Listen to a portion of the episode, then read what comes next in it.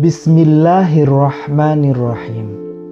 Allahumma salli ala Muhammad wa ala ali Muhammad. Keajaiban saat bernafas dari majalah Mata Air oleh Profesor Dr. Omer Yildiz. Penulis adalah seorang ahli di bidang metalurgi dan material. Janin hidup dalam perut seorang ibu pada sebuah cairan khusus. Agar cairan ini tidak masuk dan memenuhi paru-parunya, maka janin tidak bernafas. Ketika lahir, bayi harus segera melakukan nafas pertamanya. Kondisi lingkungan luar yang sangat berbeda dengan kondisi di dalam perut ibu menjadi sarana bagi bayi untuk mengambil nafas pertamanya. Kondisi bayi yang membutuhkan oksigen, kedinginan, dan merasa kesakitan barangkali dapat diperhitungkan sebagai unsur-unsur penting yang memicu proses pengambilan nafasnya. Tetapi, meski terdapat penelitian yang jumlahnya tak terhitung banyaknya, ilmu pengetahuan masih belum bisa mengetahui bagaimana proses pengambilan nafas pertama pada bayi terjadi. Sang Maha Pencipta senantiasa menunjukkan bagaimana mukjizat-mukjizat terus terjadi pada tubuh seorang manusia setiap waktunya.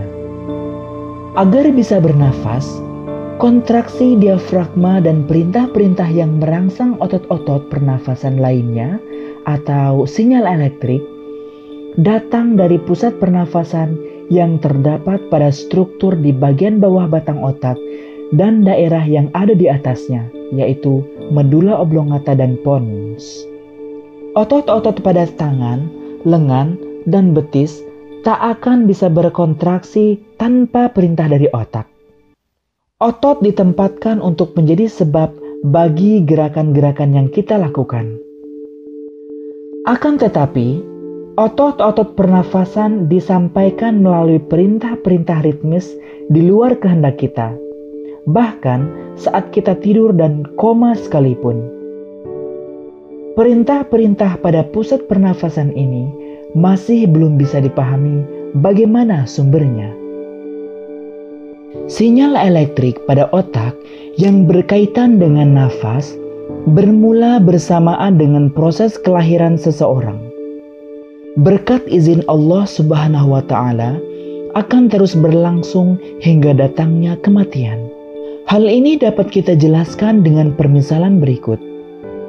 Misalnya, Anda sedang berada di sebuah pulau tak berpenghuni dan tidak memiliki korek api.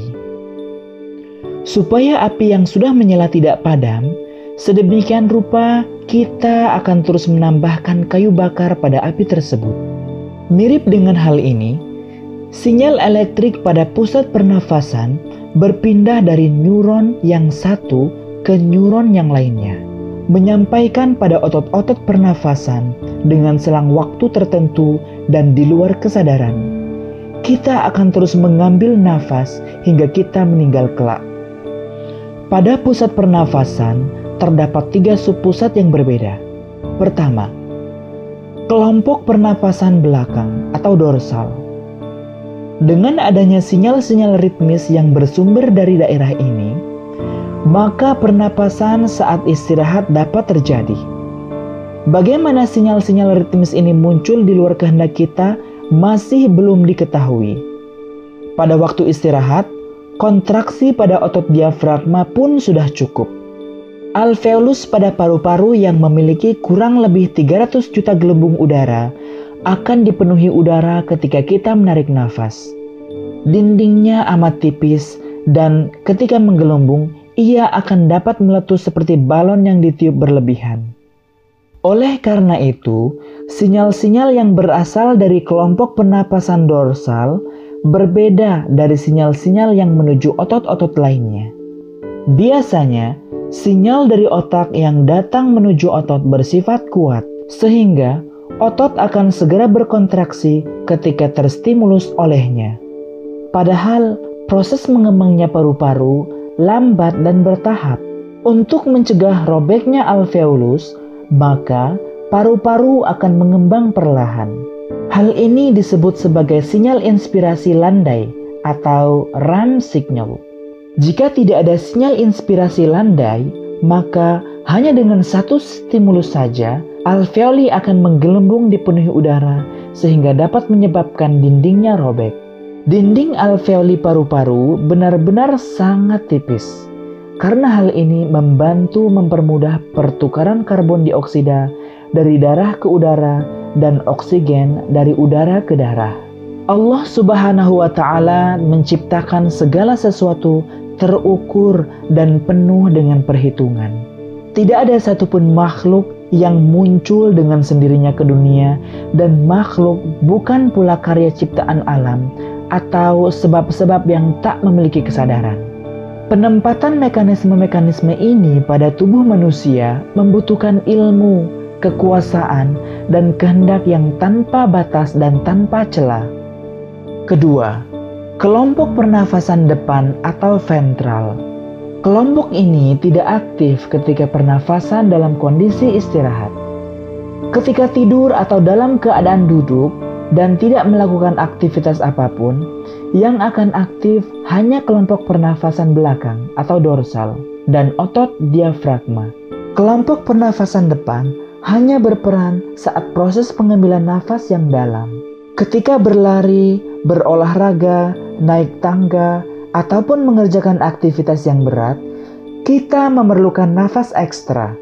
Pada keadaan ini, hanya mengandalkan kontraksi diafragma saja tidaklah mencukupi, sehingga Otot-otot pernafasan yang terdapat pada dada depan juga perlu dilibatkan. Ketiga, pusat yang bertanggung jawab mengatur kecepatan pernafasan atau pusat pneumotaksik. Pusat pneumotaksik akan mengakhiri kegiatan bernafas yang dikelola oleh kelompok pernafasan belakang, yakni mempersingkat masa pengambilan nafas tersebut. Apabila pusat pneumotaksik tidak ada, Sinyal inspirasi landai akan terus berlanjut dan orang tersebut akan mengakhiri proses pengambilan nafas tanpa dapat menghembuskan nafasnya. Pusat pneumotaksik yang merupakan salah satu di antara nikmat tak terhingga yang diberikan kepada kita oleh Rob yang maha mulia. Sehingga melalui mekanisme yang mempersingkat masa pengambilan nafas, jumlah atau frekuensi nafas kita pun bertambah. Apabila pusat pneumotaksik bekerja optimal, maka dalam satu menit kita dapat bernafas hingga 200 kali. Di sisi lain, apabila ia tidak bekerja, maka jumlah nafas dalam satu menit dapat turun hingga 4 atau 5 kali saja. Artinya, pusat pneumotaksik menghalangi terjadinya apnea.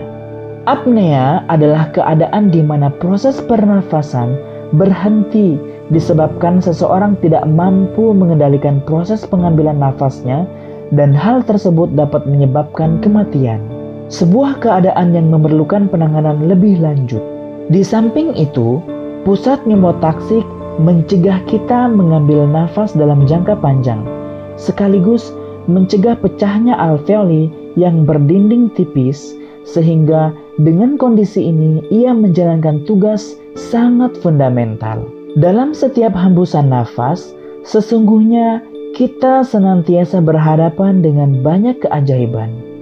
Sayangnya sering kali kita tidak menyadarinya. Akan tetapi, ketika masalah-masalah kesehatan seperti apnea atau pneumotoraks atau terkumpulnya udara pada rongga pleura muncul, barulah arti penting dari nikmat bernafas tersebut dapat dipahami. Pernafasan ketika bergerak dan tidur. Bergerak, bekerja, dan berolahraga menyebabkan nafas kita lebih dalam dan lebih banyak.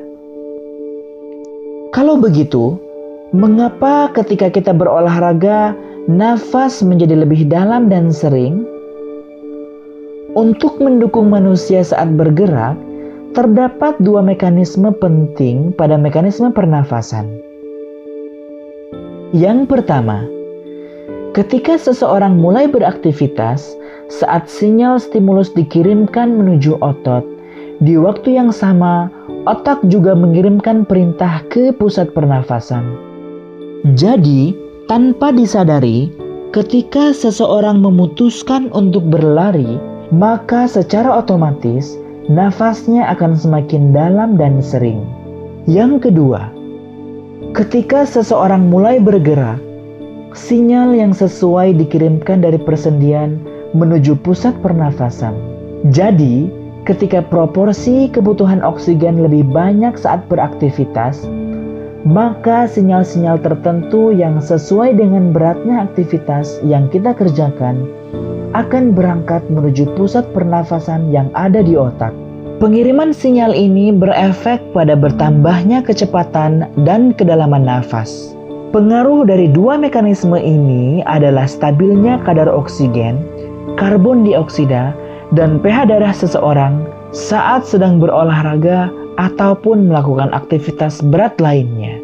Sedangkan pada waktu tidur, semua organ dan sistem tubuh kita juga beristirahat, sehingga pernafasan pun melambat. Peningkatan nafas ketika beraktivitas serta penurunan nafas ketika tidur terjadi berkat pusat pernafasan yang ada di otak. Akan tetapi, mekanisme seperti apa yang sebenarnya terjadi belum benar-benar diketahui dengan sempurna. Mirip dengan sinyal-sinyal ritmis pada jantung, tetapi melalui mekanisme yang betul-betul berbeda pada pengiriman perintah-perintah ritmis menuju otot-otot pernafasan di mana ia mengatur kecepatan dan dalamnya pernafasan. Pengendalian kimiawi pernafasan Sebagaimana telah dibahas sebelumnya, meskipun seseorang yang sedang tidur ataupun mengerjakan aktivitas berat, melalui pengaturan pola pernafasan, maka konsentrasi oksigen dan karbon dioksidanya akan senantiasa stabil. Apabila disebabkan suatu penyakit ataupun sebab lainnya, kemudian terjadi penurunan jumlah oksigen maupun kenaikan jumlah karbon dioksida, maka pada saat itu reseptor-reseptor kimiawi tubuh akan mengambil peran. Pada tubuh kita, reseptor-reseptor kimiawi terdapat di dua tempat. Pertama, tepat pada bagian bawah pusat pernafasan di otak yang disebut area kemosensitif. Bagian ini bertanggung jawab untuk menangani kadar karbon dioksida berlebihan dan kerusakan pada pH darah yang diakibatkan olehnya. Apabila kadar karbon dioksida darah berlebih, maka ia akan masuk ke jaringan otak. Pada otak, karbon dioksida akan berikatan dengan air dan membentuk asam karbonat. Di otak, Asam karbonat ini akan terurai menjadi ion bikarbonat dan hidrogen. Area kemosensitif merespon kelebihan ion hidrogen ini dengan bertanggung jawab menginformasikan kepada abnormal tersebut pada pusat pernafasan. Oleh karena itu, apabila kadar karbon dioksida dalam darah bertambah atau pH jaringan otak menurun, artinya kadar hidrogen bertambah, maka mekanisme pernafasan akan meningkatkan kedalaman dan kecepatan bernafas untuk mendorong pengeluaran karbon dioksida keluar dari tubuh kita. Peningkatan kadar karbon dioksida dalam darah akan memicu koma yang dapat berakhir dengan kematian. Kedua, ia terdapat pada dinding pembuluh arteri, aorta, dan karotis. Reseptor-reseptor kimia yang terdapat pada pembuluh arteri sangat sensitif terhadap pengurangan jumlah oksigen di dalam darah kita. Ketika kadar oksigen dalam darah berkurang, maka mereka akan segera mengirimkan informasi ini ke pusat pernafasan. Berkat hal ini, akan terjadi peningkatan kecepatan dan kedalaman pernafasan sehingga kekurangan jumlah oksigen dapat segera diatasi. Melalui mekanisme ini, seseorang dapat dengan mudah menangani kelebihan dan kekurangan oksigen ataupun karbon dioksida tanpa masalah. Sehingga kita dibuat dapat melanjutkan kehidupan adalah menjadi tugas kita untuk mengetahui dan menyadari semua mekanisme ini serta bersyukur dikarenakan hal tersebut. Dalam setiap hembusan nafas, sesungguhnya kita senantiasa berhadapan dengan banyak keajaiban.